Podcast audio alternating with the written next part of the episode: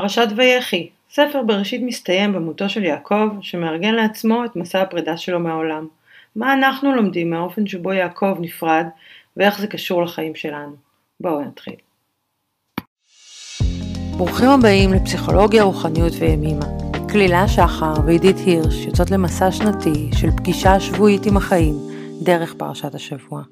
אז פרשת ויחי, הפרשה האחרונה בספר בראשית, בה ככה עברנו את כל הספר ביחד, ויעקב אה, לפני מותו, ובוחר להיפרד, בוחר להניח את המוות שלו, להנכיח את המוות שלו בצורה גלויה, בלי פחד, בלי חשש, ומזמין את כל הסביבה הקרובה שלו להנכיח את המוות שלו יחד איתו.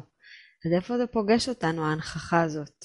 אז התחושה שלי זה, וואו, יעקב יודע, מבין, מפנים, מקבל באופן ברור את זה שהוא הולך למות. אה, כזה מסתכל ישר למוות אה, בעיניים, ובעצם מפה מתחיל לנהל את, אה, את הפרידה שלו מהעולם.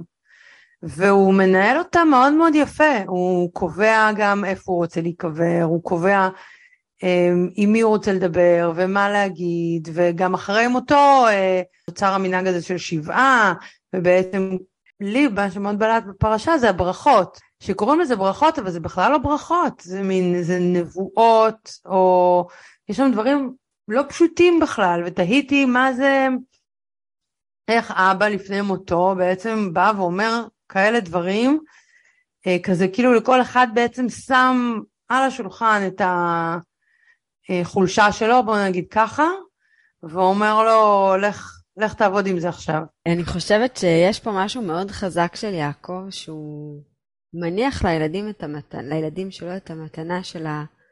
לקבל, לקבל את כל החלקים שלהם ולקבל את הדברים הפגיעים שלהם גם. ודווקא בזה שהוא מניח את זה, הוא גם אפשר להם, בעיניי, באיך שאני קוראת בפרשה, את האפשרות להתאבל אחרי מותו. ממש יש מקום לאבל, הם הולכים עד ארץ ישראל, פרעה מאפשר להם, ושם אפילו כתוב בפסוקים שהם שבוע שלם התאבלו וכל תושבי המקום אפילו נתנו שם אחר למקום שבו הם התאבלו, מרוב שזה כנראה הייתה חוויה מהדהדת אה, בסביבה מסביב. ויש שם משהו שהוא נתן לגיטימציה לדברים שהם פחות מדוברים, פחות גלויים, להיות גלויים. הוא מניח אותם על השולחן, ו- וכאילו הם חלק מהחיים. ואין לנו, אנחנו לא צריכים להדוף אותם, לא צריכים uh, להתעלם מהם. מותר לנו להתאבל, מותר לנו להיות עצובים, מותר לנו להיפרד מהחיים. אז אני מרגישה שזה חלק מהכוח של הדבר הזה, זה שהוא עומד למות. הוא עומד למות, הוא מבין את זה, ובעצם מהנקודה הזאת, כל מה שנשאר לו זה לתת את האמת שלו.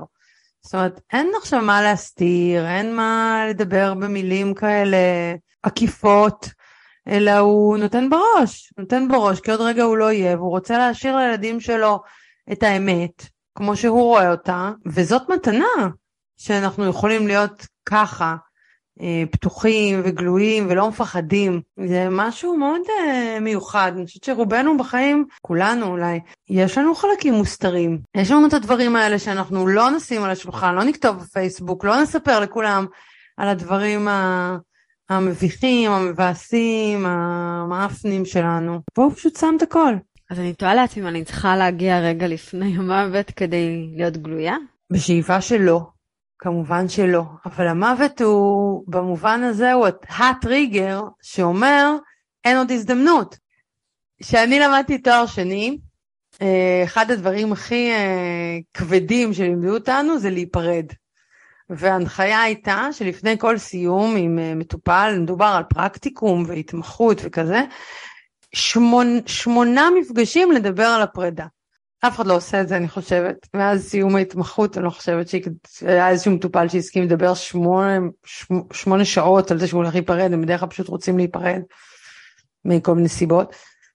והסיבה, אני חושבת, שהקדישו לזה כל כך הרבה זמן, שהקדשנו לזה כל כך הרבה זמן, זה כי כי קורה שם משהו בפרידה, יש שם איזשהו משהו ש... נכון, מכירים את זה, שיש פתאום דדליין, שפתאום משהו הולך להיגמר, אז אנחנו פתאום נורא רוצים להספיק.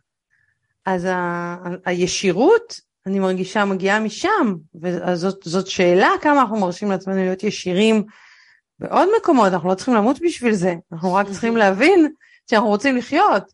ולחיות זה אומר, הרבה פעמים, לשים את הדברים. אני תוהה לעצמי למה לחיות, אין לנו איזה אקסיומה פנימית שלחיות זה דווקא להניח את הדברים הפגיעים שלי. למה לחיות זה להסתיר? אני חושבת ששוב, המנגנוני ההגנה הפסיכולוגיים שלנו נוטים להסתיר. יש משהו בלחשוף שהוא מפחיד. זה לא היה אוטומט שלנו, זה לא הטבעי שלנו. ת, תראי מה קורה כשאני רוצה להתוודות על משהו, שאני רוצה להגיד סליחה, שאני מצטערת על משהו, זה, זה קשה לי. הסיבה שזה קשה לי זה כי יש מערכות שלמות הגנתיות ששומרות עליי.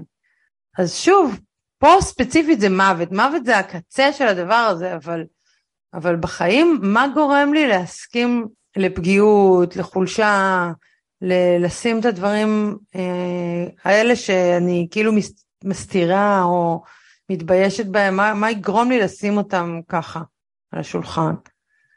זה מעניין, כי כולנו נמצא, נמצאים ברשתות החברתיות שהן נורא נורא חשופות, ומצד שני, מלאות שקר. כמה מאיתנו באמת חושפים, אה, כמובן שלא צריך, אבל כמה אנחנו מניחות שם מקום חשוף, או מניחות את התמונות היפות של הטיול, את הרגעים המנצנצים המאושרים שלנו. כמה בעצם אנחנו פוגשות ופוגשים את האנשים הקרובים לנו דרך החלקים הפגיעים בהם, או דרך החלקים היותר אה, חלונות ראווה שלהם. אין ספק בכלל שהפייסבוק עסוק בתדמית, באיך דברים נראים, ואני חושבת שגם אנשים שכן שמים את עצמם בצורה יותר אותנטית וחשופה, הם גם עושים את החשיפה הזאת באיזשהו אופן שהיה באנשים. אז uh, בטח, הרשתות החברתיות רק מראות לנו את הנטייה הטבעית האנושית הזאת, שאני רוצה שיחשבו עליי דברים טובים, אני רוצה שיראו את החלקים הטובים שלי. אבל הפרדוקס הוא שדווקא שאני כן מסכימה להיות פגיעה, ושאני כן מסכימה לשים את הדברים הפחות אה, יפים, אז, אז אני מקבלת איזו אהבה אחרת. אז אולי, אז אולי זה מצליח לחלחל לתוך התסמונת מתחזה הזה שאני מחזיקה. זה מעניין, כי אני חושבת שאנחנו לא סתם שומרות על החלקים הפגיעים במקום שמור, כי הרבה פעמים אנחנו גם לא תמיד נקבל רק חיבוק. לפעמים לקבל ביקורת והאשמה, ואולי ההתבגרות זה להגיד שזה בסדר שאני מניחה חלק פגיע, ואני לא מניחה את זה כי אני תלויה בתגובות בחוץ, אני מניחה את זה, כמו שיעקב הניח את זה, כי זה חלק מהחיים וזה מי שאני, ואני לא רוצה להשקיע את כל המאמצים והאנרגיות בהסתרה. נכון, זה, זה משחרר את האנרגיות ש, ששוב, שמושקעות ב, בהדחקה, הסתרה, הכחשה, כל הדברים האלה. אז יש שם משהו ממש משחרר.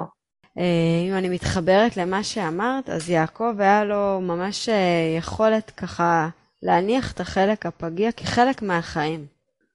הוא לא עושה את זה באיזה משהו דרמטי, זה משהו טבעי, והילדים מקבלים את זה כטבעי, וקורה שם איזה משהו שהוא... קמתי בבוקר ונפרדתי.